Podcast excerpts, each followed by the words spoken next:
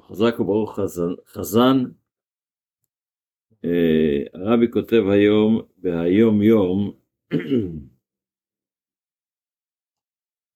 שאדמו"ר הצמח צדק, זה המשך למה שלמדנו אתמול. אז ש...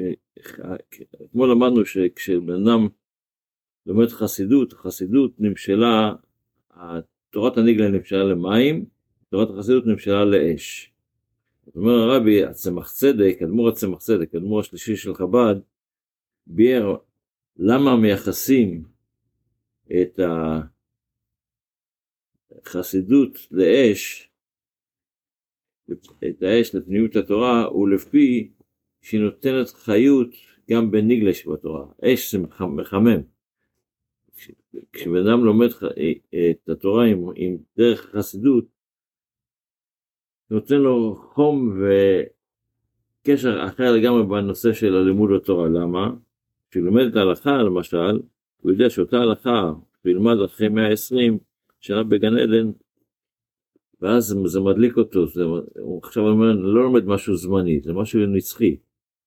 למשל, אה, סתם כדוגמה, בן אדם לומד אה, שניים אוחזים בטלית. סוגיה מפורסמת בגמרא.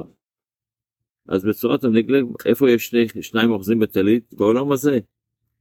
אבל בן אדם שמבין ששניים אוחזים בטלית, זה בכלל לא מדובר רק על, מצאתי איזה בגד, וכל אחד אומר, זה, אני מציתי, אני מציתי, אלא מדובר פה על משהו אחר לגמרי. החסידות אומרת, מה זה שניים אוחזים בטלית? טלית זה מצוות, המצוות נקראות טלית, הן מקיפות את האדם. ושניים אוחזים בטלית, יש לפעמים שאנחנו עושים מצוות מתוך, עושים מצווה, לא, לא, לא, לא, לא בכוונה, עשינו מצווה. עכשיו מגיעים לשמיים, פתאום מגלים, יש פה איזה מצווה שזה, אתה, אתה ולא יודעים אותם. יש, יש לך איזה קשר לעניין. אז זה אומר שכולה שלי, זה אומר המצווה היא שלי. זה אומר כולה שלי, ואז איך, איך, איך פותרים את הבעיה הזו בשמיים? אז יש בזה כל מיני, זה, זה ככה מסבירים את ההלכה בצורה יותר עמוקה, ואחרי זה יש עוד יותר עמוק, אנחנו לא ניכנס לזה כל העומק שבעומק שבעומק, אבל זה, הדברים האלה הם כבר הולכים לפי החסידות. ולכן אומר עצמך צדק, כשאתה לומד את התורה, ואתה מבין שיש פה את העניין, החס... הרעיון החסידי שבעניין, אז הלימוד התורה שלך הוא שונה קצת. בספר המצוות, לומדים היום את המצווה, מן. עדיין לומדים את המצווה של שילוח הקן. כשבן אדם רואה קן של ציפורים, אז הוא שלח את שלח את האם ואת הבנים תיקח לך. אז המצווה הזו לומדים היום, כמו שהצורים שלח את שלח את האם ואת הבנים תיקח לך. וכבר נתבררו דיני מצווה זו בפרק האחרון של מסכת חולין. בתפילה אנחנו עדיין בברכת כהנים. אז אתמול אמרתי כמה דברים מעניינים ככה, פרפרות לברכת כהנים. אז נמשיך ברעיון הזה ואולי אה,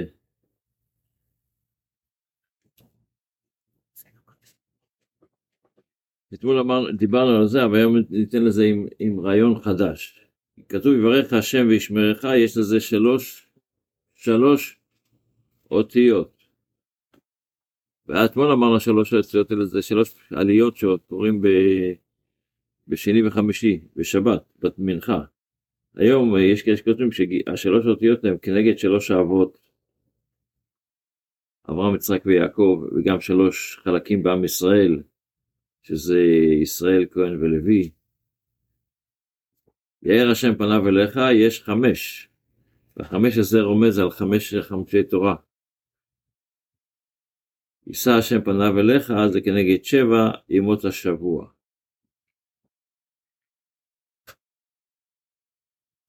יש עוד כמה רמזים, אבל אני, לא, אני רק רוצה להגיד עוד נקודה אחת. הגמרא במסכת ברכות ומספרת כשהמלאכים למדו את התורה שכתוב שמה יישא השם פניו אליך, ברכת כהנים, שהסוף זה יישא השם פניו אליך, אז באו הכהנים, באו המלאכים לקדוש ברוך הוא ואמרו לו, זה סותר את עצמך, אתה בתורה, בפרשת השבוע נקרא, קשור לפרשת השבוע, לכן אני מזכיר את זה, שלא יישא השם פנים, לא ייקח שוחד ולא יישא פנים. ופה אתה אומר לכהנים שיברכו את עם ישראל מה? יישא השם פניו אליך. אז זה סותר את עצמו. אומרת הגמרא שהקדוש ברוך הוא ענה למלאכים, היות שאני בבריקת בתורה, בברכות, כשאדם מברך, כן. כשאדם מברך, אז אמרתי, ואכלת ושבעת וברכת. כדי שיהיה וברכת, צריך להיות, קודם שבעת. אם אדם הוא כזה שיש לו מטחנה רצינית, וכמה שאוכל הוא עדיין רעב, יש כאלה. ואכלת ושבעת. נו, אבל אם הוא לא שבע עדיין? יאכל עוד. לא, אבל לא אם שבעת. אבל לא, אבל אם לא שבעת, אתה לא צריך לברך. בא משה רבינו וקבע שגם אם אכלת כזית ולא שבעת, אתה מברך. חובת הברכה היא ברגע שאכלת כזית. אז בגלל זה אני לא יכול, אני חייב שיהיה לי משוא פנים לעם ישראל. מה המיוחד של זה? אז כמובן את המיוחד של זה אנחנו יכולים להסביר בכמה שניות שיש לנו, אבל הרעיון הוא בעצם שברכה, הקדוש ברוך הוא למלאכים ברכה, זה להוריד את הקדוש ברוך הוא לעולם, וברכת את השם לוקח את זה, טוב, איך הריזל אומר, וברכת את, דרך אותיות שא' עד ת', אתה יכול להוריד את הקדוש ברוך הוא לעולם הזה. אז כשעם ישראל מברכים, גם כשהם לא חייבים וקיבלו על עצמם את החובה